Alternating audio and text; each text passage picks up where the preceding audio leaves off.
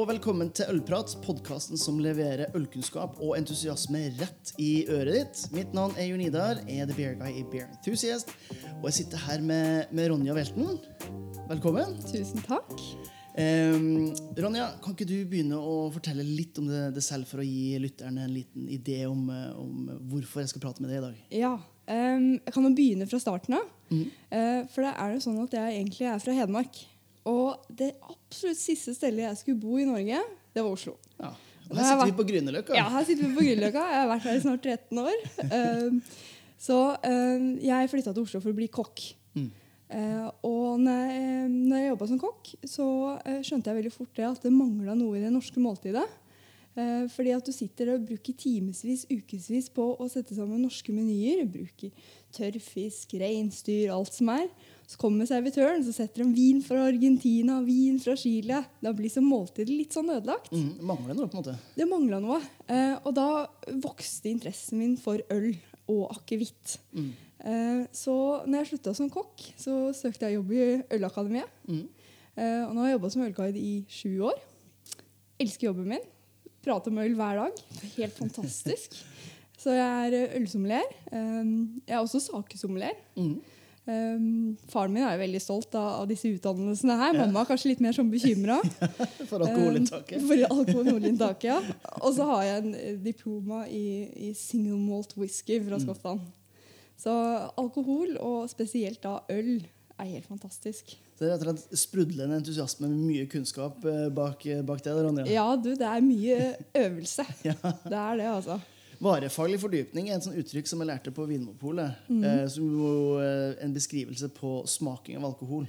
Eh, og da, Jeg husker det første gang jeg, jeg, sa det til folk som kjente bare, Jeg holdt med som varefaglig for, fordypning, og de bare mm, eh, Vi hører hva du sier, men forstår hva du mener. det høres kanskje litt sånn trøgt ut. Ja, det gjør kanskje ja, det. Eh, men det jeg vil eh, prate med deg om i dag, det er jo det her med, med smaking eh, hovedsakelig av øl, men eh, med den fagkunnskapen du har òg, så kan du mm. gjerne eh, dykke litt ned i eh, andre ting også, hvis du har mm. lyst til det. Eh, fordi Ølakademiet, og med det i spissen, står jo bak flere av testene til VG og Dagbladet og Aftenposten. Dere har vært med på mye, på mye av det. Dere holder mye smakinger. Mm. hvordan ser du på en måte Ølakademiets rolle i å få bedre smaka ut til det norske folk gjennom den typen medier? Ja, eh, det er, dette med øltester er jo ganske fascinerende konsept, egentlig. Mm. Eh, fordi man kan jo egentlig ikke bestemme hva andre skal smake og lukte. Dette her er jo helt individuelt. Men man kan gi en pekepinn i hvilken retning, sånn at f.eks. For forbrukeren kan finne ut å, men dette her er jo i den kategorien som jeg tiltrekkes av. Dette er smaker som jeg liker. Kanskje jeg skal velge innenfor den stilarten. Mm. Um, og når det kommer til, til, dette med å teste øl, så er det ekstremt viktig at det testes blindt. Mm. Uh, Hva mener du med blindt? Blindt, Det vil si at uh, vi ikke vet hvilken øl det er i glasset. Eller vi vet ikke hvilket bryggeri det er. Eh, vi bruker alltid å informere med hvilken stilarter, altså hvilken kategori ølet er i. Mm. Om det er f.eks. i en pils-kategori, eller om det er i en IPA-kategori. Mm. Og dette er fordi at de skal dømmes etter typeriktighet også. Mm. Uh, og da, Innenfor typeriktighet også, så er det viktig at det på en måte er litt sånn samsvar. Hvis det er en helt ulik La oss si at det er en pils-kategori, og så tenker du med en gang du smaker den at dette her er kanskje mer enn en eh, pale ale. Mm. Det er nok ikke helt typeriktig. Det kan fortsatt være godt øl, men da må den kanskje bedømmes på en litt annen måte i forhold til hva bryggeriet ønska. At, at, det skulle være en pils, og så, så, viser det seg at jeg tror at det er en pale ale. Ja. Uh, og da må man tenke litt annerledes. Ja, jeg syns det er litt sånn interessant uh, ting å ta opp også. fordi at uh, det er jo forskjell på en god øl og på en typeriktig øl. Ja. Typer finnes det jo ganske mange av, og det fins mm. en god del eh, mer offisielle guider. Mm. Både fra, fra, Norge og fra, fra utlandet. Og jeg, jeg tror i, i dagens sånn her eh, jag etter å, å, brygge noe nytt hele tida, noe nytt eksperimentelt, og det skal være eh, marshmallows og cornflakes og, og, forskjellige essenser og sånt oppi, mm. så glemmer man litt det med, med typeriktighet i, i det hele. Ja. Var det bedre før, sånn sett? Eller hva, hva, tenker du? Jeg må jo si at kanskje mye av de typeriktige stilene er kanskje de som er lettere å kombinere med mat. For det er jo mm. en stor lidenskap for, for meg og for Ølakademiet. For vi er flere kokker her. Mm. Og det er nettopp å kombinere øl med mat. For det er så veldig mange som inviterer venner og familie hjem på middag lørdagskvelden. Og så er det som regel en sånn selvfølge at det skal være en flaske vin på bordet. Mm. Hjemme hos meg så er det en selvfølge at det skal være en god flaske øl. Og ja. den skal passe perfekt med maten. Og da er det nødvendigvis ikke disse her super, super hva skal jeg si, nerdy ølene som, som er det beste alternativet. Som har kanskje eh, 200 IBU og tilsatt marshmallow, som du nevner. og alt dette her. Da er det kanskje godt med en klassisk eh, belgisk trappistøl. Kanskje en klassisk blond, et hveteøl mm. eller en pilsner. Så, eh, så typeriktighet er viktig for meg når det kommer til øl og mat i kombinasjon. Mm. Selvfølgelig så kan man ikke si at uh, dette er nødvendigvis fasiten, for det finnes jo alltid unntak. Ja. Ja. ja. jeg husker enda Nå er det her sikkert seks-sju år siden jeg brygga, brygga, mye hjemme. Og så var jeg bedømt uh, porterkategorien i uh, NM hjemmebrygg. Og vi fikk en uh, porter den, altså den absolutt beste porteren jeg har smakt noen gang. Men den smakte smørpopkorn. Mm. Så det, det ja. var en ølfeil i den. Og til tross for at jeg elska den ølen, mm. ølen i seg selv, så var den ikke typeriktig. No. Og vant jo heller, heller, ikke noen konkurranse. Så det er, sånn, det er, noe man kanskje glemmer når man sitter og, og skal smake på øl. Mm. Hva, er det, eh, hva er det som er typen ment, mm. og hva, hva, er ølet egentlig? Ja, og det her er litt sånn uh, litt trening òg, for det er jo enkelte ølfeil som jeg liker i, mm. i øl. Ja. Uh, blant annet så syns jeg at uh, at hvis du har litt diacetyl, som du ofte kan finne i f.eks. tsjekkiske eh, pilsner og lager, så mm. det, er det veldig godt. Men hvis det kommer fram i en norskprodusert pilsner, så er det på en måte en feil. Mm. Men det er egentlig en ganske god smak med måte. Ja. uh, så, men når man gjennom år og år har sittet og testa så mye øl, så må man jo bare terpe på det. Vi bruker jo å stryke ølene fra testen som har, fått, som har tydelig ølfeil. Ja, okay. Men har ølene ølfeil som vi tenker at denne ølfeilen her slipper du igjennom med, mm. så kan du, liksom, du kan jo komme ut med en relativt god karakter likevel. Mm. Uh, men det kommer an på, på graden av ølfeil. Og så er det enkelte ølfeil som man kanskje ikke vil uh, smake så mye av, for å si det pent. Det har du helt rett i. Ja. Um, ok, la oss, la oss, dykke ned i det å smake. Vi kan begynne med Hva, hva gjør man når man skal forberede seg for å, for å smake f.eks. En, en øltest til, mm. til Ølakademiet? Det som er uh, veldig viktig da, er at uh, før du uh, skal sette i gang med en øltest, så skal du helst ikke ha drikke kaffe, f.eks. Mm. eller sterke Altså mat med mye smak. Prøv å holde deg unna. Prøv å spise nøytrale produkter. Men alltid spis før du ja. skal teste øl. Det er, det er regel nummer én. Ja. Må alltid ete. men, men, ikke noe som er sterkt. Ikke noe curry og chili? Og Nei. Nei. Styr, styr unna det. Og, og, styr unna kaffe, og gjerne sånn som røyk og sånn også. Mm. ikke optimalt. Ja. Så du har Og når Eh, parfyme og deodorant og litt sånne type ting kan også være med å påvirke. Så man mm. ser helst også at man ikke har på, man, uh, har på, seg noe sånt når man skal sette i gang og smake. Mm. Um, det er også veldig viktig eh, med smakingen at man har tilgjengelig noen nøytrale kjeks på bordet mm. og masse vann. Mm. Sånn at du får nøytralisert smaksløkene dine. Uh, så anbefaler Jeg vet at det er veldig mange som sikkert sitter der hjemme og tenker ja, men vi har, vi har jo juleøltest, og vi tester 50 øl på en kveld. Og så drikker vi opp hver eneste flaske.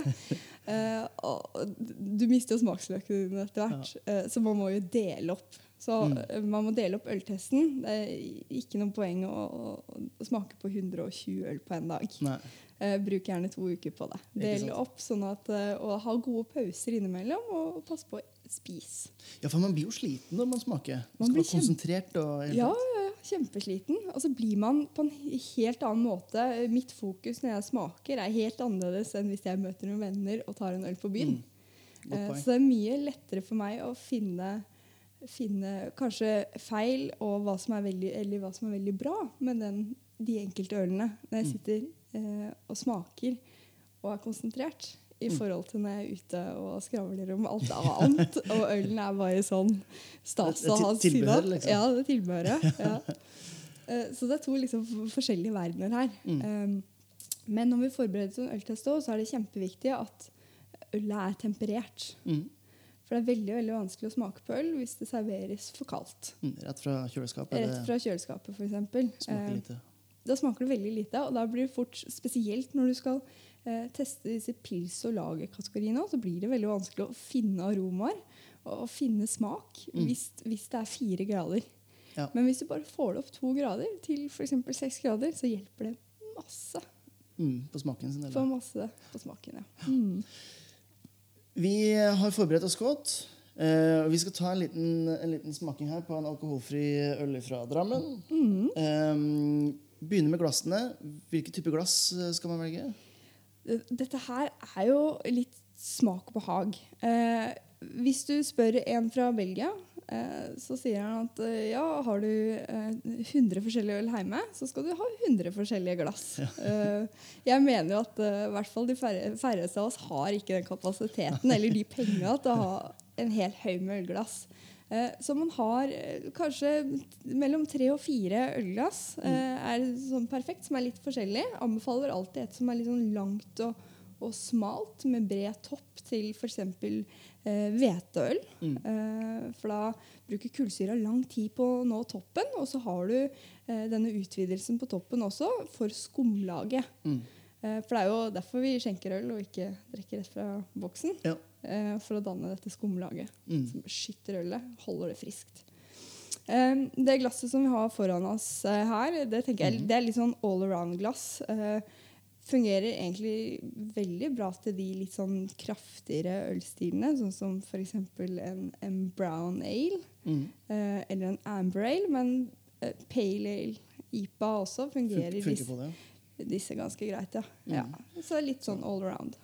Litt større klokke, altså den nederste delen av, av glasset, og så snerpes inn litt på, på toppen. Da. Litt på toppen, ja. Mm. Så har du jo du har jo så mye glass å velge på, så jeg skjønner at man blir litt sånn frustrert ute i den jungelen der. Hva skal man velge? Men jeg tenker hvis du eh, kjører på med i hvert fall et all around-glass eh, Veldig ofte så ser du disse som er litt sånn tulipanforma når man er ute Mm. på byen.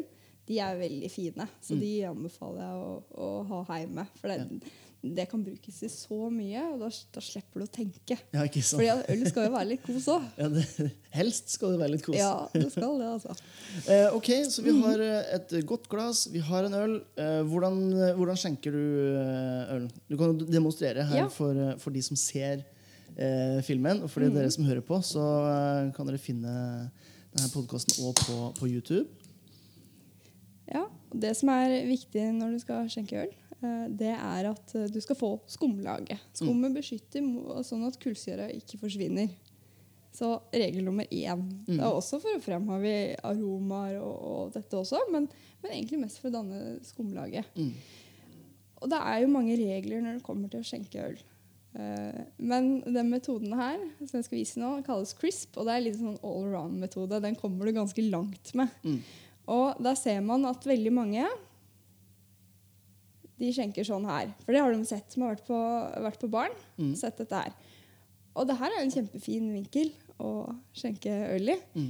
Men det veldig mange glemmer, er å rette opp glasset mot slutten av skjenkingen. For da å få mer fart på ølen, sånn at du får et tykkere skumlag. Mm. Og tykkere skumlag, det betyr mer beskytta øl.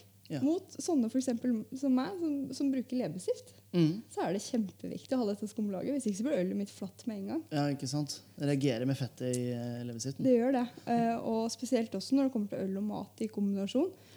Øl og burger, for eksempel, det er jo en klassisk kombinasjon. Ja, Eh, ja, og da er man helt avhengig av å ha et skumlag på ølet sitt å starte med. Mm. Og du kan også merke at du eh, La oss si at man ikke har på seg leppestift. For det er jo ikke alle i Norges land som har på seg leppestift. Nei, jeg har ikke hatt den problematikken, f.eks. Så er det litt sånn at eh, hvis glasset ikke er helt rent, så kan eh, du miste skumlaget fortere. Og med at glasset ikke er helt rent, så betyr det at det havna, havna litt sånn fett, fett inni porene på glasset. Mm. F.eks. ved å kjøre det i oppvaskmaskina sammen med middagstallerkener og bestikk. Eh, eller å drikke mjølk av det. Det, er- det er et sånn klassisk eksempel. Eh, veldig mange som liker disse store ølglassene som man lånt med seg hjem fra byen. Ja, ja. Og så fyller man dem med mjølk dagen derpå og bare får i seg skikkelig med, med, med væske. da. Mm. Og da ødelegger du ølglasset ditt. Og da blir ølet ditt fortere flatt, rett og slett. Mm. Så, og glansmiddel også, før til. Mm. Legger jo en sånn beskyttende hinne på innsida for at det skal være en fin glans. Og det også hjelper ikke akkurat skumdannelsen noe særlig. Nei, det gjør ikke Sånn det. erfaringsmessig. Mm, er veldig sant. Mm. Det gjør det ikke. Ok, da har du fått skjenkt en. Mm. Så skal jeg prøve å gjøre det samme. Um, kan også legge til det at få skumme Altså for, for, en god skumkrone er også litt viktig, for da frigjør du CO2-en, sånn at ikke den, all CO2-en frigjøres i magen. For da blir du veldig veldig fort uh, mett i magen. Spesielt hvis du skal ha en, eh, en middag for eksempel, der du gjerne skal ha mm, ja, to, tre, fire retter kanskje, med tilhørende øl til. Så blir du får en mye fortere sånn metthetsfølelse hvis ikke noe av karboneringa har, eh, har kommet ut i glasset først. Mm. Så, så mye aroma også, som du, som du nevnte. Ja, for det, det bruker jeg også å si på mine kurs òg. At hvis man blir fort stinn av øl, så er det fordi at du drikker det rett fra boksen antageligvis, eller har skjenka det feil. Mm. Uh, og dette gjelder jo spesielt på de lager- og pilsnerskipene som har masse kullsyre. For de skal jo være friske og leskende. Og du skal, liksom, du skal ikke klare å bare drikke én, du, du skal drikke flere. Det er jo det som er meninga. Ikke sant? Um, og da, da er det kjempeviktig å skjenke det. Altså. Mm. Veldig viktig. Vi har skjenket ølen. Hva er neste operasjon? Ja, og vi eh, bruker å snakke om sju smaksesser når vi skal gjennom og smake på øl. Um, og den første er jo den største S-en, og det er å skjenke, som vi har nå gjort. Veldig viktig, som du sier også. Frigjøre aroma, frigjøre litt uh, kullsyre, men også beskytte ølet. Det neste vi skal gjøre, det er å se på ølet. Se på, uh, det første vi kan legge merke til her, er f.eks. klarheten. Mm. Og som vi ser, så er jo den her eh, vil vi jo kategorisere som klar. Ja. Ja. Og da betyr det at den i hovedsak er eh, filtrert. Mm. Da ser vi det. Det er filtrert øl, og, og filtrere ølet det er for så vidt bra, det, for det gir, det gir hyllestabilitet. Mm. Du, har, du kan eh, stole mer på produktet ditt. De fleste håndverksbryggeriene velger å ikke filtrere. Mm. Og det er også veldig positivt, for da har du mer smak, og ølen kan utvikle seg over tid. Mm. Som også er er noe som er veldig positivt. ja. Og jeg Så- vet også at filter koster veldig mye hvis du skal ha det til, til bryggeria, så jeg kan også skjønne hvorfor de ikke gjør det. Ja, ja, ja, absolutt. Mm. Eh, vi kan også se på fargen. Mm. Eh, bare for å få et, Ser vi på fargen, så får vi også et inntrykk om hvordan ølet vil være. Eh, og dette ølet her er jo ganske lyst, litt sånn gyllent. Mm. Ser jo veldig leskende ser ganske godt ut. Ja, absolutt. Um, vi kan se litt på skumlaget. Vi ser at Mm. dette har um, senka seg litt, men ganske fint, uh, fin tykkelse på skumma likevel. Mm. Små bobler. Men den ser, ser delikat ut. Mm. Um, vi skal uh, ta og snurre litt på ølen. Og da skal vi ikke gjøre sånn som, sånn som vinfolka, som snurrer masse, masse, masse. Vi skal bare gi det en lite snurr. Uh, og dette er for å frigjøre aromaer. Og så skal vi putte nesa vår nedi, og så skal vi ta et kort sniff. Bare for å få et sånn førsteinntrykk Mm. av hvordan dette lukter. Hva var det første du, du tenkte på når du tok det? Korn. Korn, ja. Ja, ja. Du kjenner den kornaromaen eh, ganske, ganske kjapt. Det er Litt sånn nyslått gress, kanskje en sånn hint i bakgrunnen. Mm, Men eh, korn var det absolutt første. ja. Det er jeg helt enig. i. Mm. Så kan vi eh, putte nesa vår nedi en gang til, og så tar vi et lengre sniff. Og da får du bekrefta den første tanken din. Det er veldig fint med dette korte sniffet, for da rekker du ikke å begynne å tenke. Det er bare sånn det første som slår deg. Eh, og da skriver man ned det. Mm. Og så tar man et dypere sniff igjen for å finne dette som ligger litt under. Sånn som du snakker om kanskje litt sånn gress og, og kanskje liten gjærprofil og, og krydder og kanskje noen sitrustoner og så lignende. Mm. Um, det som eh, veldig mange gjør når de skal lukte på øl, det er at veldig mange driver lukter på kanten. Ja. Og, og det er for så vidt fint det, hvis du skal lukte på brennevin. Ja. eh, og prøver å finne ut liksom, hvor du ikke får tårer i øya Mm, av å lukte på glasset. Eh, men når vi lukter på øl, altså, så må vi ikke være redd for å putte nesa ned i glasset. Få snusa opp alle aromaene.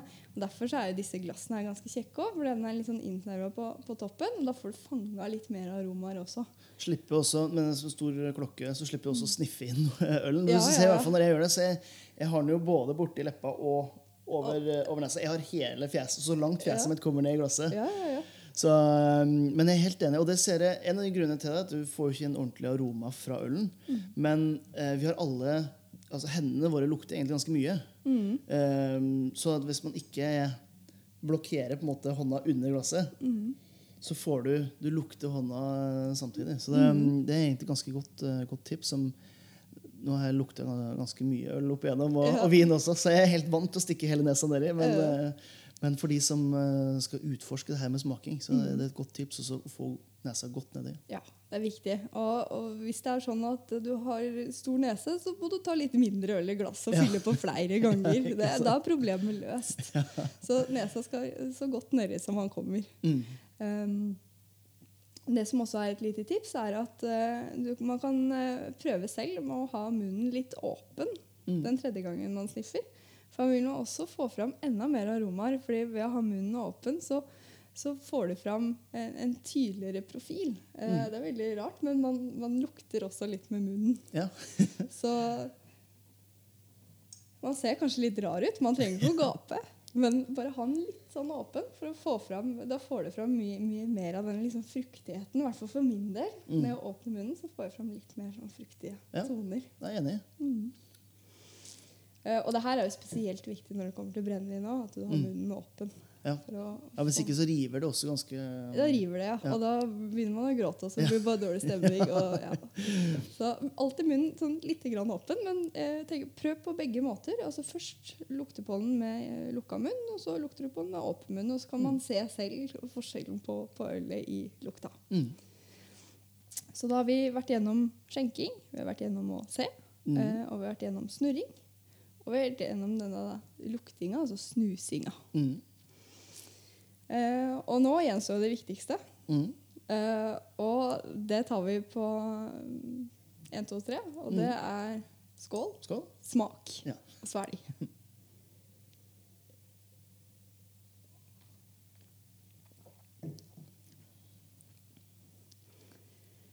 Det er det som er så artig med øl. For eh, det er veldig vanskelig å, å ha en ølsmaking med å spytte øl.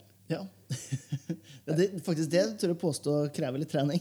Det krever ganske bra trening. Og øl er jo egentlig veldig komplekst. Veldig mange som ser på øl som ja, men det er jo sånn, eh, noe for, for, for mannen i gata, og det, det, er, det skal være så folkelig og alt det her. Mm.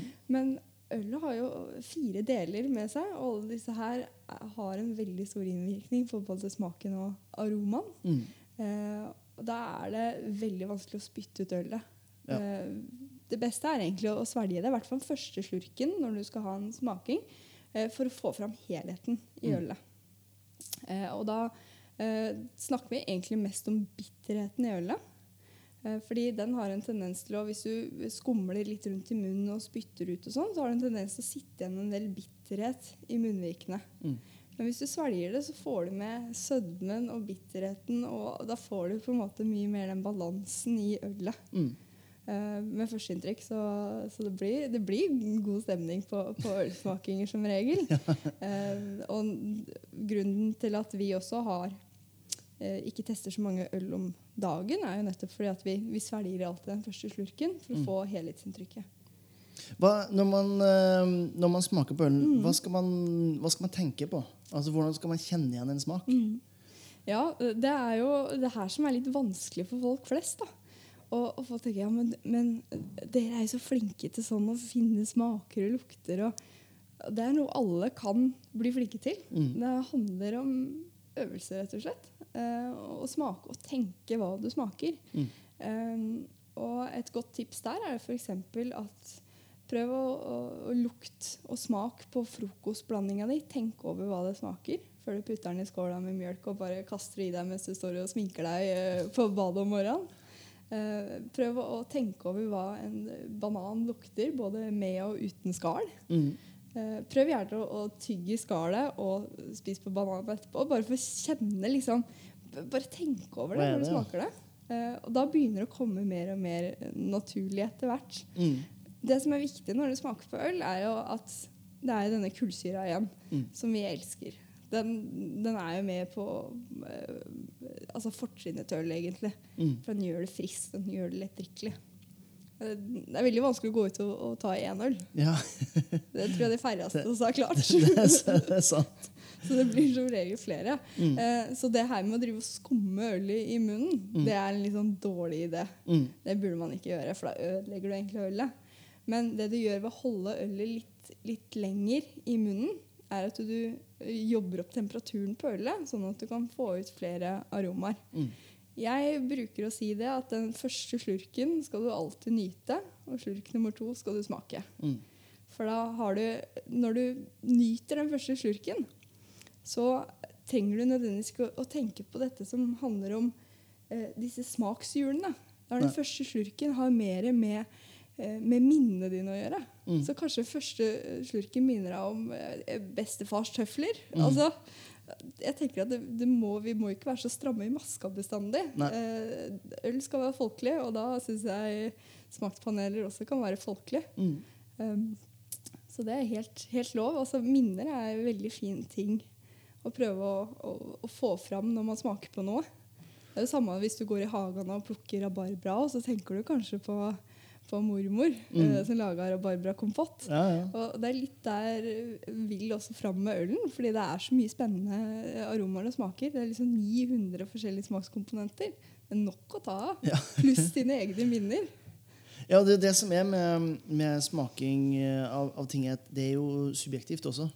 Så med den første, den første bare sånn, ikke tenke, og så bare kommer det noe fram. Det er jo nesten en sånn meditativ eh, øvelse, der du får fram noe. Så, hvis man setter seg ned og skal smake og kjenne etter noe, så analyserer det bort det, det første impulsen som kommer. Mm, og den, det er kanskje den første impulsen som er det viktigste også. Mm. Uh, for å, liksom, hvilken følelse du får av ølet. Mm. Så det er jo så mye spennende der ute. Og man kan være borti mye rart altså, Mm. som plutselig dukker opp oppi her. Som man tenker, og det har jeg ikke tenkt på på mange år. Ok, da har, vi, da har vi smakt på den også. Hva, hva gjør man nå? Er det bare å nyte, eller eh, hvordan gjør dere en, en smaking i det her? Er, det vi, er det noe vi mangler? Ja, eh, egentlig så skulle vi hatt et sånn smaksskjema foran oss. Eh, for det er veldig lurt å skrive ned eh, hva det smaker og hva det lukter. Eh, og gjerne på den første korte sniffen vi tok i stad. Mm. Skriv ned korn der. Ta en ny sniff. Få fram kanskje gress og hvite blomster og skrive ned det. For etter hvert så kommer du til å du kommer til å glemme de førsteinntrykkene i hodet ditt. For det blir så mange inntrykk når du sitter og skal analysere. da. Mm. Så veldig viktig å få det på papir. Så vi dømmer veldig ofte ut etter utseende, aroma, smak, eh, vurdering. Altså hva er helheten av ølet? Helhetsfølelsen. Og ikke minst hva slags type mat det passer med. Mm. Så det er jo veldig viktig. Det er ganske essensielt. Det syns, syns jeg også. Når du smaker på det her, da, hva tenker du, hvordan tenker du det fram til hvilken mat det her ville passa med? Da tenker man litt på matprofilen i ølet. Eh, man tenker også på bitterheten i ølet. Eh, her er det jo ganske lav bitterhet. Eh, den er ganske integrert, men den er fortsatt litt til stede. Eh, det er en ganske snilt øl, eh, men det er lyst og lett. Mm. Og da tenker man når ølet er lyst og lett, så er det egentlig lyse og lette retter eh, som gjelder. Den har jo dette lille snevet av bitterhet, så da kan vi kanskje også gå opp i litt sånn salt eller røyk. Mm. Så eh, ettersom det er sommer og, og sol, eh, kanskje ikke akkurat sol nå, men det er i hvert fall sommer, Det det. eh, så tenker jeg at eh, klassisk sånn røkelaks Mm. kunne vært kjempegodt med det her. Mm. Eh, og har du kanskje litt sånn frisk salat attåt, eh, kanskje noe eh, sånn potetsalat, men ikke med for mye fett. altså Mer sånn potetsalat som kanskje er snudd i litt sånn olivenolje og lignende. Mm, litt mer sånn delikat og ikke sånn her tung og kraftig. Ja, litt delikat. Ja, for da har du litt den bitterheten i ølet her som vil skjære gjennom eh, fettet på, på fisken og, og friske opp måltidet. Mm. Så det kunne vært et godt alternativ. Kanskje litt sånn enkel spekemat òg. Ikke de sånn veldig vellagra spekeskinkene, men de som er litt sånn enkle, lette salte. Kan også være veldig godt med det her. Ja. Og det var et veldig godt eksempel på hvordan du kan kombinere eh, noe som er forholdsvis lett, sånn som det her, eh, med, med mat. Og da tenker jeg jeg skal høre hva, hva er din Hva ville vært din ideelle eh, øl- og matkombinasjon her vi sitter i dag på den dagen, dagen her? Hva, hva, hva tenker du ville vært din favorittkombinasjon? Jeg har jo eh, en kombinasjon som jeg er veldig glad i, som minner meg skikkelig om sommer. Og jeg har ikke hatt den kombinasjonen siden forrige sommer, så jeg gleder meg skikkelig. Eh, og det er eh, rett og slett jordbærsuppe. Ah, ok. Eh, som med marengs, kanskje litt vaniljeis, litt rabarbrabiter oppi. Oh, yes. Eh, så er jo selvfølgelig jordbærsuppa laga med berlinerweisse. Ja.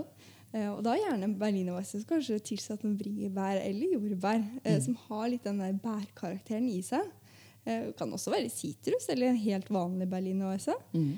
Få den friskheten og syren. Friskheten, ja, for da trenger du ikke å bruke så mye lime og sitron og sånn i selve suppa. Da bruker du egentlig bare berlinerweissen Mm. i suppa. Og så har du selvfølgelig berlinerweisse til Mm. uh, denne suppa. Det er helt fantastisk.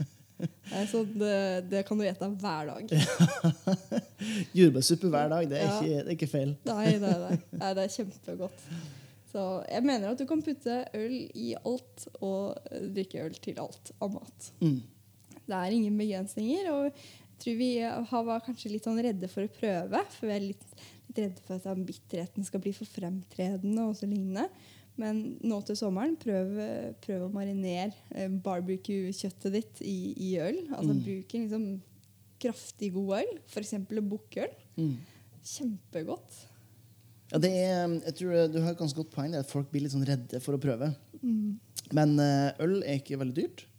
Eh, og øl er nesten uansett godt. Så jeg tenker det skal mye til før man går eh, ordentlig feil. Ja, ja, ja. Nei, det, det er vanskelig. Ja. Så ja. Eh, Det er en fin sommer altså, hvis man bruker litt øl i maten. Ikke sant? Mm. Før vi avslutter her, sånn, tre tips til noen som skal ha en, en ølsmaking. eh, Hva ville vært dine tre eh, topptips til de? eh? Ja. Begynn alltid med det lyse og lette ølet. Eh, se gjerne på alkoholprosenten. Eh, sånn at du starter med det som har lavt alkohol, lyst og lett. F.eks. kan du starte med en pilsnerklasse. Mm. Og så kan du ha en, eh, en blond- og hvetølsklasse. Og så kan du avslutte med IPA-klassen. Mm. Så velg alltid lyse og leste, eh, letteste først, Mm. og mørkere og sterkere etter hvert. Ja. Så du får det i riktig rekkefølge. For begynner du med en, en porter på 13% og så går du på en pils på 4,5% etterpå, så smaker ikke den pilsen noen ting. Så jobbe seg opp i Jobbe smaksintensitet og alkohol. Ja. Eh, og ikke vær redd for å stole på egne følelser. Mm. Eh, det er veldig mange som fort, fort lar seg påvirke hvis de hører kanskje at det hvisker og tisker litt sånn på sida av seg. Eh, Bare glem det. Eh, Stol på deg sjøl. Ja. Det er det viktigste, for det er dine smaksløker. Ingen Mm. som bestemmer hva du skal smake. Nei. Og det tredje er jo at du må jo du må kose deg også. Mm. Man må ikke bare tenke at nå, skal det være mest mulig eh, sånn og sånn, i hvert fall på hjemmebasis. Mm. Prøv å kose deg med det også. Det er viktig å være inkluderende, det skal være hyggelig, og øl skal alltid være en hyggelig setting. Mm. Det er viktig, altså. Øl er hyggelig. Ja, Ja. det er det. det, er det. Ja, men Ronja, tusen takk for at du tok deg tid til å uh, prate med meg. Takk setter vi veldig pris på. Jeg er helt sikker på at de millioner av lyttere som vi, som vi har, eh, fikk noen, eh, noen ny kunnskap og, og lærdom etter den lille seansen her. Eh, og så vil jeg takke alle dere ja, som sagt, millioner av lyttere som vi har der ute for at dere hørte på. Vi setter veldig pris på, på det. Eh, send oss gjerne en e-post eh, eller en DM enten på Instagram eller på Facebook. Og så gi oss noen tips til hva dere vil høre på. For det gjør jo at dere får høre på det dere vil høre på når det kommer til ølkunnskap.